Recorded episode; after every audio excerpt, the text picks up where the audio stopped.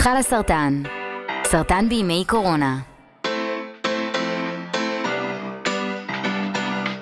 אז שלום לכולם ולכולם, וברוכים הבאים והבאות לפודקאסט המחלה של חלה סרטן, אני ענת שפירא, אני בת 39, אה, מתל אביב, אימא של ארי ולי ובת זוג של ליאור, אני עצמאית וסטודנטית לתואר שני וגם מחלימה מסרטן שאת די טריה, שלושה חודשים כזה, והיום אני מארחת באולפן את חברות הקהילה של חלה סרטן, מאיה בירן פלץ ויערה אביור, שהן גם מחלימות כל אחת בסטטוס שונה, היי לכן. שלום, שלום. אז רגע, מאיה, בואי תספרי קצת אה, על ממה את מחלימה? אה, גם מסרטן שד, אה, אנחנו ממש אה, ליגה פה, ליגת סרטן השד.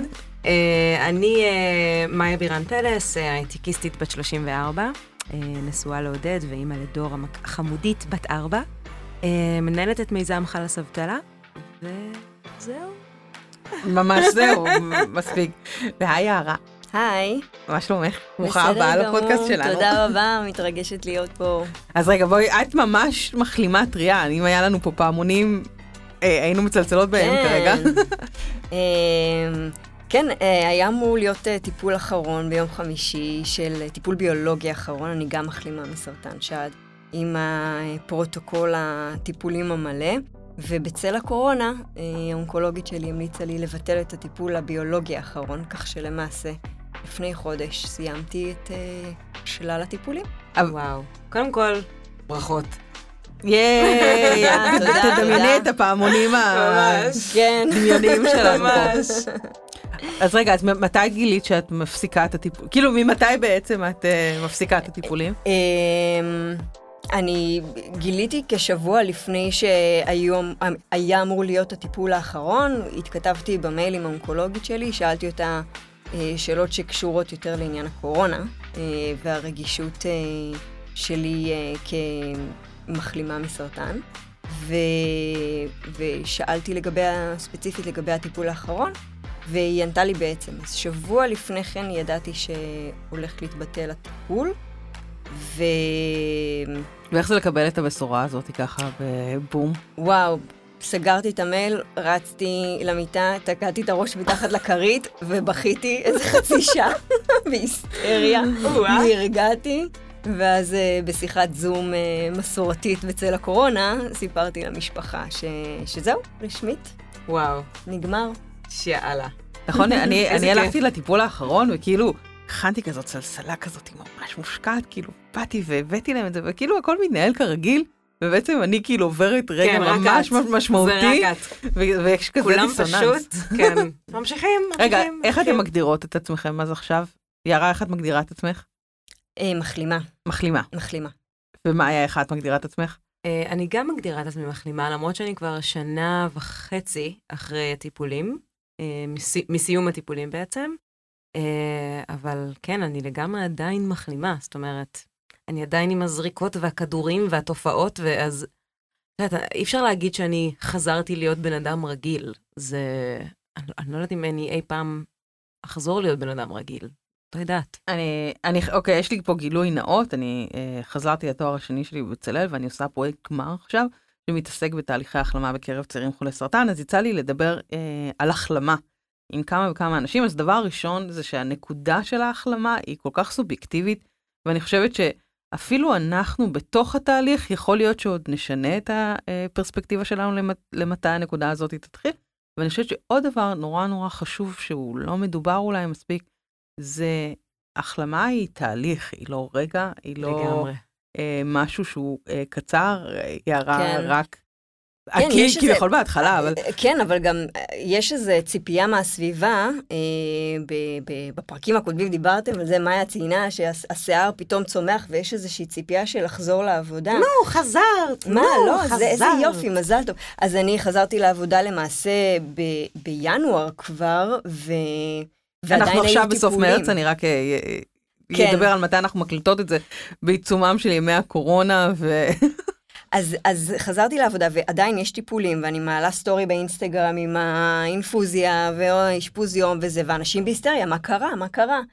כאילו, לא, לא קרה שום דבר, זה פשוט לא הפסיק מעולם. כן. הטיפולים, ו, ו, וכן, יש איזושהי ציפייה, שוכחים נורא מהר אה, את, ה, כזה, את, אוקיי, את נו, אז המחלה. חזרת לעבודה, כן, ויופי, יאללה, את כאילו צ'ופ, רגיל, צ'ופ. רגילה. שלום. חזרת לעצמך, אבל בעצם אה, אני קוראת לזה The New Normal. לא, אנחנו בדיוק, אנחנו מתחילים נפלאה. להבין, אה, אני דיברתי עם גיא תבורי, שהוא תיאר את הרגע של ההחלמה בצורה שאני מאוד מאוד התחברתי אליה, כי כל התהליך של הטיפול האקוטי והטיפולים, אנחנו באיזשהו מרוץ אה, מאוד מאוד מתוקשר, ויש צלמים וחברים, וכולם צועקים בזה, ואנחנו מגיעים לקו הסיום. וכל השדרים וכל הצופים וכולם הולכים הביתה ואנחנו עדיין מנשפים ומנסים להבין מה קרה פה וברגע הזה אנחנו עומדים לבד. וזה רגע שהוא התיאור ה... ה- ה- עזבי התיאור שאנחנו עומדים הזה- לבד, גם נגמר לנו האוויר. נכון, אנחנו, כאילו, אין אוויר. ואנחנו כאילו, ברגע האחרון וגם האמת שגם פיזית יש כל כך הרבה תופעות לוואי. זאת אומרת, אני, הגוף שלי הוא חצי משחטה אחרי הדבר הזה, המערכת עיכול שלי בגדול הלכה לגמרי לאבדון. כל כך הרבה תופעות לוואי, וגם יש עוד טיפולים, לפחות בסרטן שד, אני חושבת במקרה של, של שלושתנו, אה, טיפולים שהם טיפולים אה, כרוניים בעצם, המשך של קבלה של טיפולים הורמונליים. כן. שהם סופר אה, משמעותיים, החל מהנראות ונגמר בהרגשה, אה, ויש עוד כל כך הרבה דברים אה, לטפל בהם. שרק עכשיו אנחנו מת, מתחילות להתפנות ל, לטפל בהם, לא? אמ, כן, גם, גם להודות בפני עצמי ש, שעדיין, ש, שמשהו התקלקל, שהגוף הוא לא אותו דבר, שאי אפשר באמת לחזור אחורה, שזה לא יחזור להיות, ויש פה איזשהו תהליך שצריך אה, תהליך של להמשיך. קבלה, אני חושבת, של, של, של, של הגוף של עכשיו, של אני, של איך שאני נראית עכשיו במראה, ולא איך שנראיתי בתמונות של, לא יודעת, לפני שנה, שנתיים, אה, לפני שכל הדבר הזה קרה בעצם. ויש פה גם קבלה של, אוקיי, יש פה עכשיו סוג של אורח חיים חדש שאני עכשיו צריכה להתרגל אליו. בין אם זה עכשיו עם מה לזכור לקחת את הכדורים ואת הזריקות בפעם בחודש, אה, וזה פשוט משהו אחר. זאת אומרת, אז זה גם, מצד אחד זה לא מה שעכשיו חוויתי בכל הטיפולים במרוץ הזה שעכשיו אה, אה, ענת הזכירה לפני רגע, וזה גם לא מה שהיה לפני הסרטן.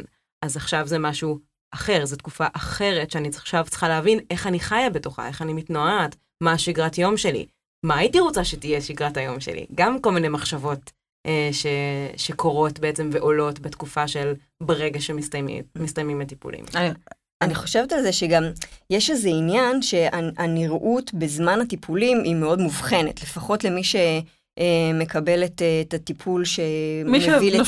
לצניחת, ש- בדיוק, ל- לנשירת אה, שיער. קרחת.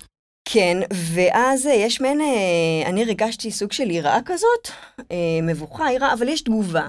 נכון. וכשחוזר השיער, הנראות פחות או יותר חוזרת לעצמה, אז כבר אין תירוץ, במרכאות. זאת אומרת, משהו, ה- ה- יש חשיבה שהיא עוד איטית, והשרירים לא בדיוק חזרו לעצמם, והתחושות הן לא בדיוק ככה ולא בדיוק ככה, אבל אין משהו שמסגיר, חיצונית נכון. יותר. אף אחד לא יכול לדעת בעצם אתם לא לפעמים לא. מסתכלות על, על, על נשים עם שיער קצר ואומרות, רגע, ברור. שיער קצר? כל מי שעוברת עם שיער קצר ברחוב, עכשיו זה כבר לא ברחוב כי אנחנו בקורונה, אז אני רואה מהמרפסת, אבל כן.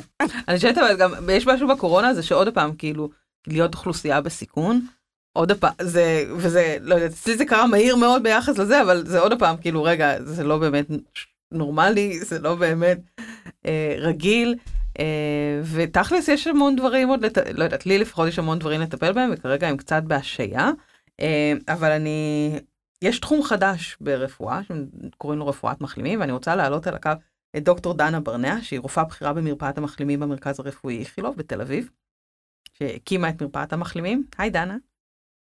היי, שלום. כן, אז אני כל כך שמחה שהזמנתם אותי.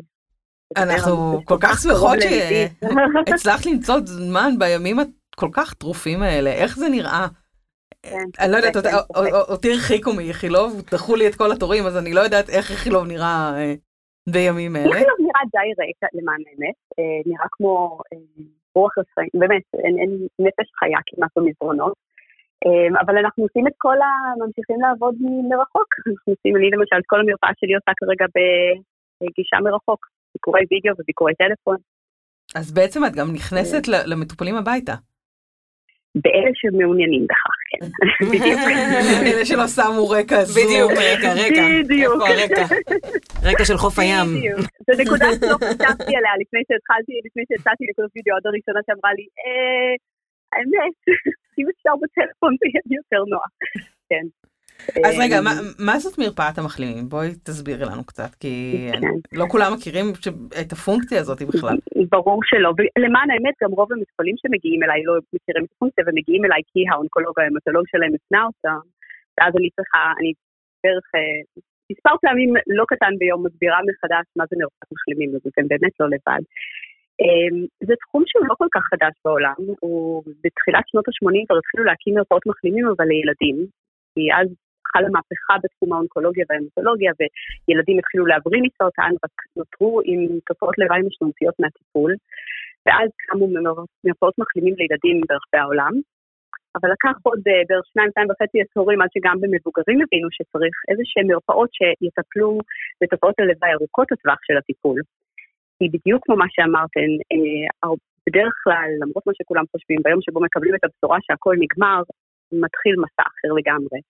ובדרך כלל אנשים לא מרגישים אותו דבר כמו שהם הרגישו כשהם נכנסו למסע הזה. אמ, ויש הרבה תופעות לוואי של מיידיות, מיד כשמציינים את הטיפול, ויש גם דברים ארוכי טווח שצריך לדאוג שלא יקרו. אה, יש למה לצפות. יש למה. ולכן זה כל כך חשוב שיש מישהו שעוקב אחרי אה, מחלימים, מישהו שזה תחום ההתמחות שלו, וזה אה, מה שהוא למד, מסוגל באמת לקחת את כל הדברים האלה ולטפל בהם, למנוע אותם, ללוות את המטפל כשמסיים את הטיפול. באיזה אה, אופן בעצם הליווי הזה בא לידי ביטוי? זאת אומרת, זה המטופל צריך לקבוע תור כל פעם, כל פעם לשלושה כן. חודשים, פעם ל...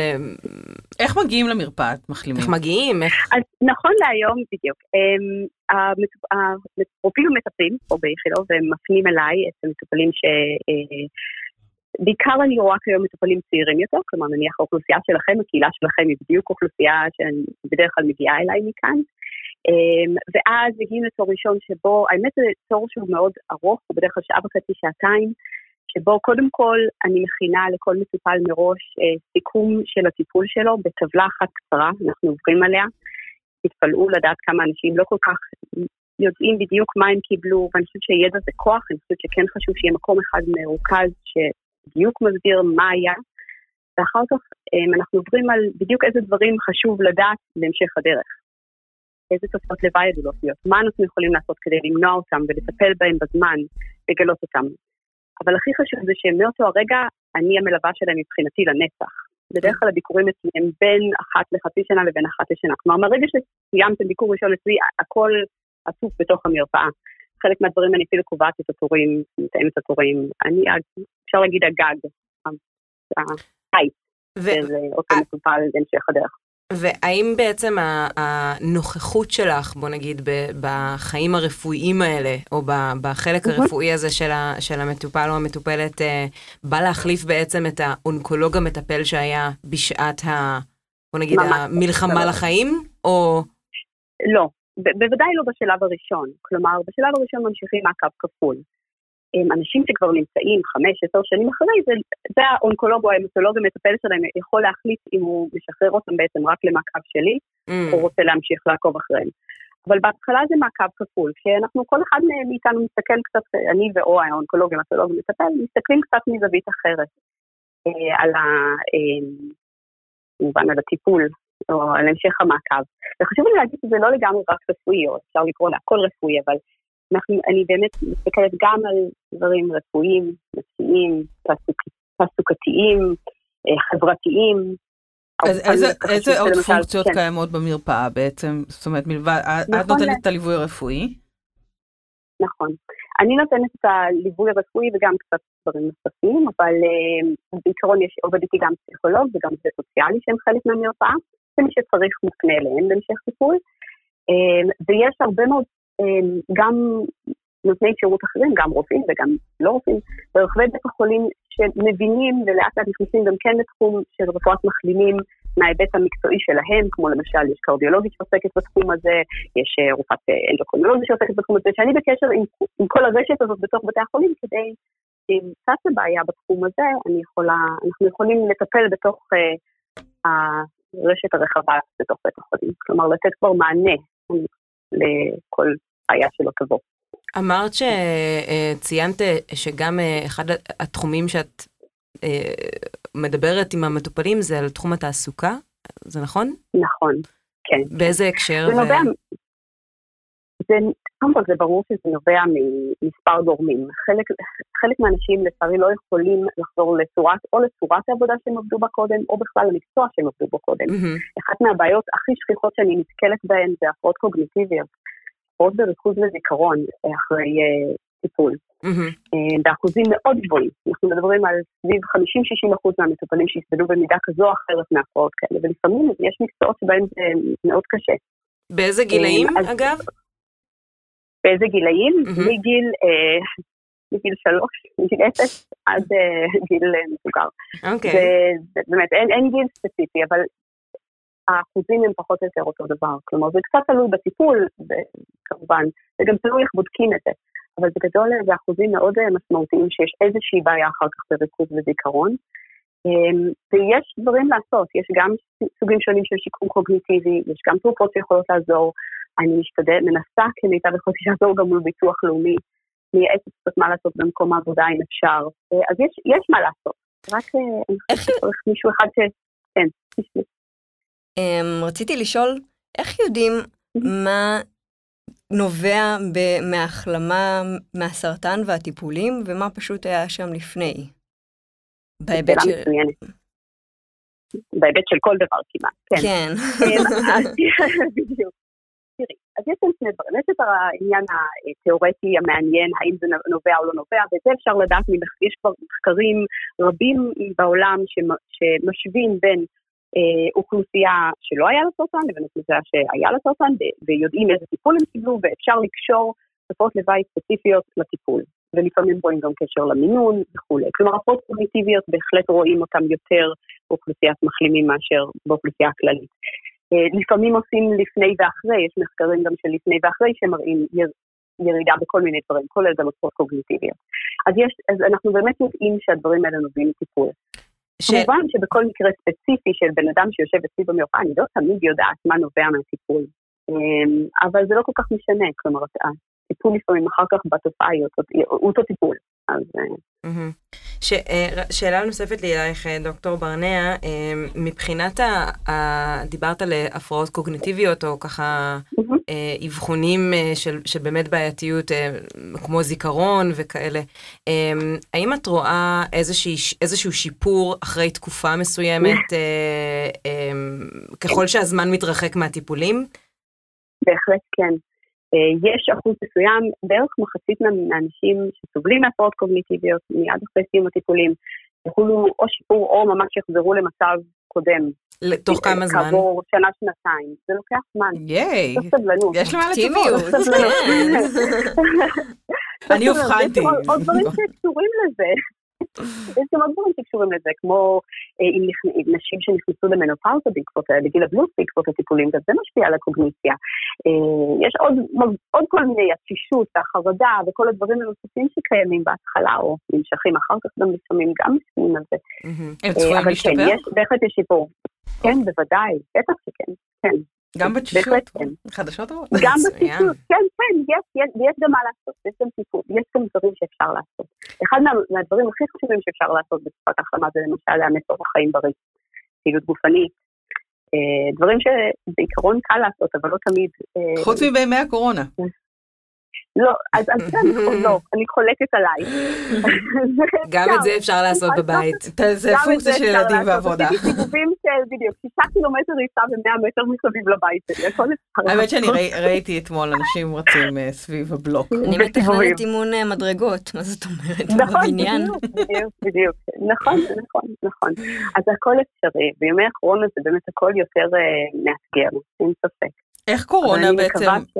משפיעה על. מחלימים? כן. זאת אומרת, אני יודעת שלי באופן אישי דחו כמה תורים, פט-סיטי, המעקב אצל האונקולוג קצת נדחו בעקבות המצב הזה, אבל השאלה הראשונה היא בעצם מה, איך זה משפיע על, זאת אומרת, כמה אנחנו אוכלוסיית סיכון, ומצד שני, איך, איך הטיפול במחלימים מתבצע כרגע? אז לגבי השאלה הראשונה, אנחנו עדיין לא כל כך יודעים. אנחנו מחכים לנתונים. אין לנו עדיין נתונים כל כך על מחלימים ועד כמה... וגם לא כל המחלימים הם אותו דבר, כי כמו שאמרתם, יש, נשים, יש אנשים שעדיין ממשיכים לקבל טיפולי החזקה. זה לא אותו דבר כמו כאלה שסיימו טיפול לפני עשר שנים, כן. מטבע הדברים. אבל כרגע אנחנו פשוט מגדירים את כל האוכלוסייה כאוכלוסייה בסיכון גבוה כדי להמעיט אה, את הסיכון. עד שנדע יותר, עד שנקבל יותר נתונים, ואני מאוד מקווה שבחודש, חודשיים, שלושה קרובים נדע כבר הרבה הרבה יותר, ברגע שקצת נבין באופן כללי יותר על המחלה הזו. אז נוכל גם לדעת עד כמה מחלימים, או מי מהמחלימים נמצא באמת בסיכון, ומי יותר דומה לאוכלוסייה הכללית, שאפשר קצת לשחרר מה... אז אפשר, אז להישאר בסגר בינתיים. בינתיים כן, הייתי ממליצה כן להישאר בסגר. אמ, לגבי הטיפול במחלימים כרגע, לפחות פה אמ, אצלנו, גם במרפאה שלי וגם בכלל אה, בביקורים פה אצל האונקולוגים והמטולוגים, משתדלים אה, לעשות ביקורים מרחוק לכל מי שאפשר. אה, פשוט המרנו את הכל לביקורים מרחוק. אה, כמובן שבדיקות אה, אנחנו דוחים את כל מה שכרגע לא דחוף. עדיף לא להגיע הנה ולא להגיע בכלל למוסדות רפואיים. ומה לגבי טיפולים, זאת אומרת נגיד סתם אני אמורה לעבור עוד מעט עוד טיפול, אה, כי אני עוברת אה, אחת לשלושה חודשים אה, טיפול כחלק מה... מהפרוטוקול מניעת של חזרה, אז, אז מה בעצם כן. עושים מטופלים כאלה שצריכים להגיע לטיפול עכשיו בבית החולים? במקרה הזה הם מקבלים החלטה פר אותו מטופל. כל מטופל יוצר קשר עם הרופא שלו, ואותו רופא שוקל, נכון לאותו היום, מה הסיכון מול התועלת. האם לוקחים את הסיכון או לא. באותו מטופל, בדיוק. שכל אחד הוא מאוד שונה, כלומר כל אחד מגיב, הרופא שלך יודע הכי טוב אה, איך את בדרך כלל מגיבה לטיפולים ומה מידת הסיכון והאם עדיף וגם מה הסיכון בחזרת המחלה, גם סיכון, אם הוא מאוד גבוה למשל, עדיף אולי להמשיך עם הטיפולים, ואם הוא לא כל כך גבוה, אז אולי עדיף לעשות איזה הפסקה. ונגיד שאני צריכה להגיע לבית חולים, אה, איך אני מתמגנת, מצטיידת, אה, מה אני עושה, כפפות, לא, אני לא יודעת, איפה הגבול? נכון, אז קודם כל חליפת אסטרונאוט. בדיוק. שהזמנת מאלי אקספרס שהגיע מסין. אה, בדיוק. אמ, מקסימום מיגון. קודם כל כדאי ורצוי, אם אפשר, לצלצל לפני כן למכון שאליו אתה אמור להגיע, למחלקה, לשאול אם יש איזשהן הוראות ספציפיות לאותה מחלקה, כי פה למשל אני יודעת ש... הקדישו מעליות ספציפיות לחולים אונקולוגיים. יש דברים מסוימים שאנחנו מנסים פה לעשות. כדאי להסתכל קודם ולדעת. יש לנו מעליות נפרדות, למשל, המערך ההמטולוגי הקדישו מעליות נפרדות מדי שאר בית החולים. וואלה. כדי לנסות, כן. יש איזה שלט, או איזה משהו? יש איזה שומר שמראה על... כן, בשיבא יש כן, מגדל שלם של סרטן, מגדל הסרטן. אה, נו, אז אתם אה, מנותקים. כן. אני ומאיה שתינו מטופלות באיכילוב, אז... אה, אנחנו כן. צריכות לדעת מה מעלים. אז זה דבר ראשון. דבר שני, באמת מיגון מקסימלי. מסכה, אם אפשר, אם יש, אה, כפפות, כשהייתי בכל מקרה שוטפת ידיים לפני ואחרי, בשביל לא לגעת בפנים. לפחות יש ספתול. אה, מה? לפחות יש ספתול בבית חולים, זה גם... בדיוק, נכון, נכון, נכון, נכון, נכון. תגידי, דוקטור ברנע, שאלה רק ככה, אנחנו לקראת סיום. האם, אה, מה, מה הסיכון בעצם של, של מחלימים היום בעידן הקורונה? זאת אומרת, אה, דברים, המלצות מבחינתך שהיית רוצה לשתף את, המאזינים שלנו, דברים שאנחנו יכולים להישמר, כללים, guidelines? מעבר לעובדה שהייתי מתייחסת לתפקיד של מטופל שהוא בסיכון גבוה, כלומר באמת להשתדל לא, לא, אם אפשר לא ללכת לעבודה, אם להשתדל לעבוד מהבית, אם אפשר להימנע מלפגוש אנשים נוספים, לא רק מבוגרים, אלא גם לשמור על עצמך. מעבר לכללים הבסיסיים האלה והתמגנות כשאתה יוצא החוצה, חשוב שני דברים נוספים אני חושבת. אחד, זה באמת לא להפסיק להיות פעיל, לנסות למצוא את הדרך להמשיך להיות פעיל גופנית, כי זה נורא חשוב גם לבריאות, גם במיוחד של מחלימים, mm-hmm. וגם לנסות קצת לשאוף אוויר בחוץ, כלומר גם אם זה בסיבוב של המאה מטר, כי אני חושבת שהבחוץ חשוב מאוד לבריאות הנפשית והפיזית של... מסכימה איתך. אז מותר לטייל עם הכלבה. מותר, בדיוק. זה בדיוק הימים שאני אומרת, למה אין לי כלבה? את מבינה? למה אין לי כלבה? בדיוק. זמן טוב לאמץ. למצוא עוד שכנים שיש להם להשתתף בכלבה או משהו, בדיוק. זה נורא חשוב. והדבר השני זה שלמרות שהתדירות אולי עכשיו של הביקורים בבית חולים יורדת, או כל מיני בדיקות נדחו וכולי, אם אתה מרגיש משהו אה, שונה, איזשהו משהו שמטריד אותך, עדיין ליצור קשר עם הרופא המטפל שלך ולוודא שהוא יודע את זה. כי עדיין יש דברים שאנחנו לא רוצים להזניח אותם רק מקורונה. ו, אה, וזה נורא חשוב, כלומר, לא, אם זה סתם בדיקה שגרתית אין שום בעיה, אבל אם יש משהו שאתה מרגיש לא טוב, אני חושבת שזה כן חשוב מאוד ליצור קשר עם הרופא המטפל ולוודא שלא מפספסים משהו, למרות שזה עידן קורונה, כי אנחנו לא יודעים כמה זמן זה הולך להימשך ככה. אז uh, חשוב גם בזמן הזה לטפל גם בדברים אחרים. אוקיי. Okay. המון המון תודה, דוקטור מרנע, על הזמן שהקדשת לנו וכל המידע החשוב הזה. את נהדרת, ואיזה כיף היה לדבר איתך. אנחנו נתראה בקרוב במרפאה. גם לי, גם לי, גם לי נורא כיף. נורא נורא כיף. תודה רבה. תודה רבה, ורק בריאות לכולכם. רק בריאות לנו. תודה רבה.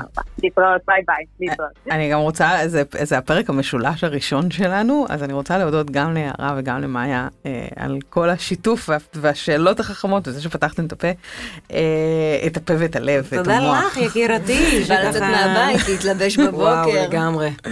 אז עד כאן לפרק הזה, אם אתם רוצים להמשיך אה, ולדבר על זה ולקבל עוד מידע, חפשו את חל הסרטן בפייסבוק, בקהילות ובאינסטגרם, ואנחנו נהיה כאן שוב בפרק הבא. עד אז תשמרו על עצמכם, תודה רבה.